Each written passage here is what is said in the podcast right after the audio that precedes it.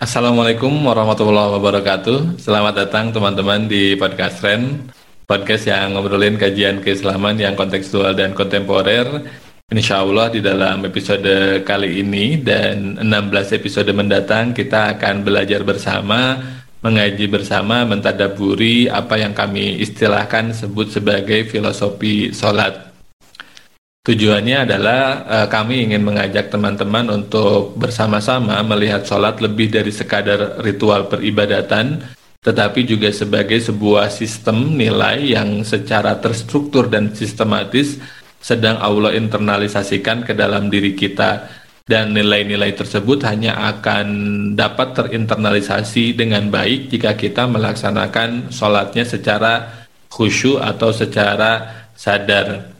Dan untuk memulai pembahasan yang akan panjang ini, saya mau memulai dengan sebuah pertanyaan atau sebuah curhatan, sebuah sebuah refleksi retrospektif kita bersama tentang bagaimana sholat kok yang kita lakukan ternyata tidak bisa mencegah kita dari perbuatan jahat, perbuatan diskriminatif, dari bully, dari persekusi dan seterusnya.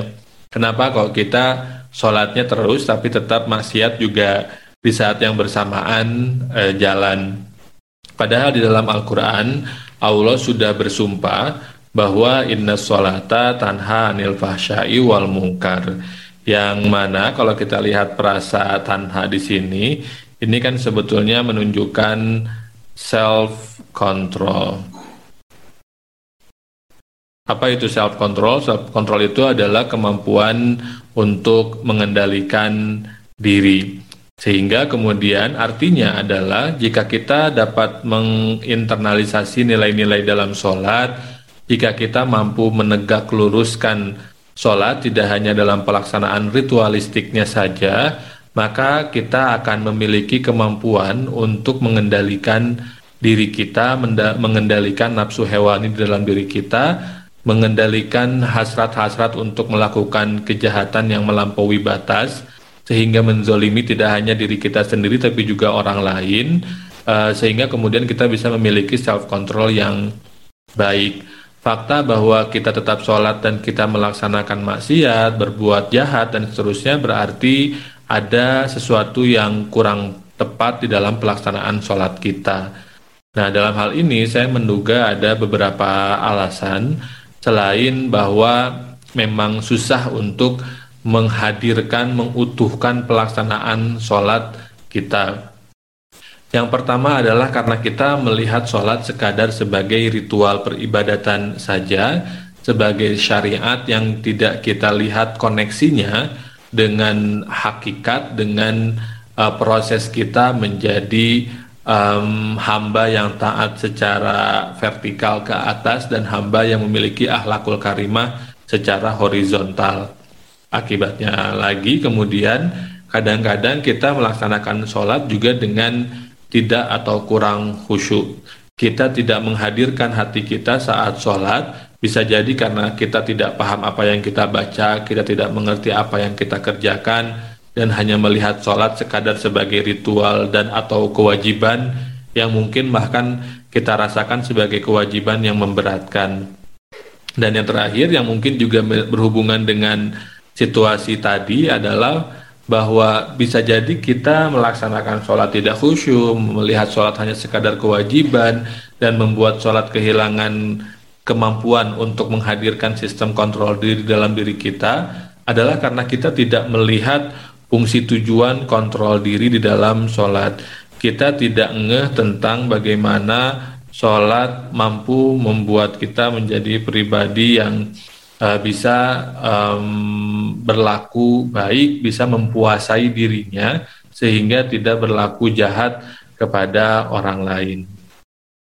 Pertanyaannya kemudian adalah bagaimana kita bisa melihat fungsi kontrol diri di dalam sholat. Dan jawabannya menurut saya kita bisa melihat fungsi kontrol diri di dalam sholat terutama melalui ihram sholat. Loh kok ihram sholat? Bukannya ihram itu hanya berhubungan dengan ibadah haji dan umroh? Nah ternyata teman-teman sebetulnya ihram ini juga ada di dalam sholat. Dan ihram ini bisa kita indikasi secara harfiah bahkan di dalam takbiratul ihram. Takbiratul ihram itu adalah takbir yang berkonsekuensi ihram sholat. Artinya adalah ketika teman-teman melakukan takbiratul ihram, teman-teman bertakbir dan takbir itu tidak hanya memulai sholat, tetapi juga membuat teman-teman masuk ke dalam ihramnya sholat. Ihram ini sederhananya berarti pembatasan yang ketat. Sesuatu yang asalnya halal kemudian menjadi haram selama periode ihram tadi. Dan artinya misalkan contohnya makan dan minum. Makan dan minum kan hukumnya mubah ya dan bisa wajib kalau memang dengan makan dan minum kita bisa uh, mempertahankan kehidupan kita, kita bisa memberi, mendapatkan kekuatan sehingga bisa beribadah. Nah, ketika um, sholat ternyata makan dan minum yang artinya yang asalnya boleh itu malah menjadi haram dan dapat membatalkan sholat kita atau misalkan berbicara satu dua huruf atau tiga huruf satu kata atau dua kata yang memiliki makna di luar ucapan-ucapan sholat itu juga membatalkan kemudian bergerak tiga kali berturut-turut juga membatalkan dan seterusnya banyak uh, yang lainnya Nah, kita menerima ada pembatasan ketat tersebut yang tadi jika dilanggar maka sholat kita menjadi batal. Itu adalah ihram sholat. Kita menerima pembatasan sekali lagi mengikhlaskan bahwa kemerdekaan yang kita miliki sifatnya tidak absolut yang kemudian jika batasan-batasan tersebut kita kita langgar maka sholat kita menjadi batal. Kalau skema dalam sholat ini kita tarik lebih luas, maka ini sebetulnya mirip dengan sosial kontrak atau kontrak sosial yang kalau kata Rousseau itu intinya adalah bahwa setiap orang itu lahir merdeka, tetapi kemudian dia dirantai di sepanjang hayatnya, setiap waktu, setiap saat. Dirantai oleh apa? Dirantai oleh norma, oleh aturan, oleh undang-undang, oleh um, fatwa, oleh keyakinan agama dan seterusnya yang dengan aturan dan norma dan segala macam tadi itu dia kemudian menerima fakta bahwa kemerdekaannya terbatas, dia membatasi diri. Dalam hal Islam, sebetulnya saya melihat kita justru malah juga memiliki apa yang saya istilahkan sebagai religious contract Maksudnya apa? Maksudnya adalah kontrak bahwa kita menerima posisi kita sebagai hambanya yang memiliki kewajiban untuk menghamba, mengabdi secara total, secara patuh kepadanya, yang dengan komitmen tersebut kita menerima bahwa kemerdekaan kita dibatasi oleh kewajiban-kewajiban, oleh aturan-aturan main yang Allah tetapkan sebagai Tuhan kita. Dan kontrak tersebut terjadi ketika di alam ruh, ketika uh, Allah bertanya secara retrospektif ya kepada kepada uh, kita semua alastu birobbikum dan kemudian kita menjawab kolu bala syahidna. Nah, persaksian tersebut, perjanjian tersebut, komitmen tersebut, penerimaan bahwa Allah adalah Tuhan kita itu adalah kontrak yang kemudian mengihramkan kita, membatasi kita di dalam uh, kehidupan kita sehingga kita tidak diperkenankan untuk bergerak melewati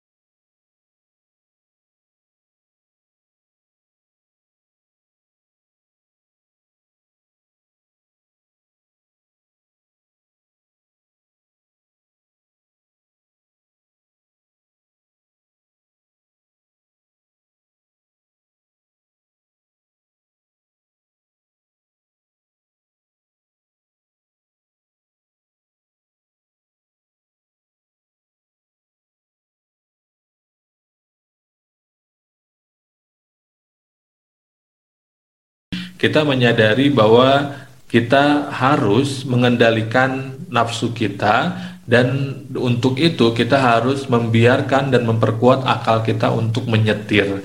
Nah, proses latihan pengetatan tadi melalui ihram sholat adalah proses untuk membuat hawa nafsu kita bisa berada di dalam kotak batasan tadi yang kemudian ketika si hawa nafsu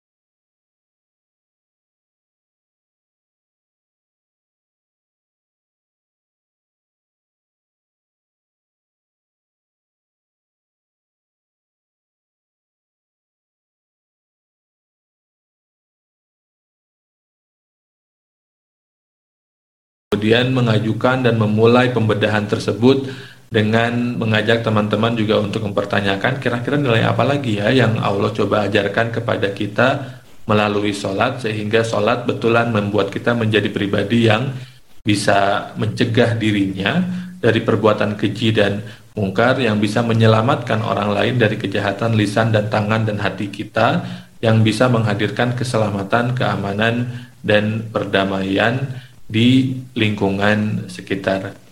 Demikian, terima kasih uh, telah menyaksikan.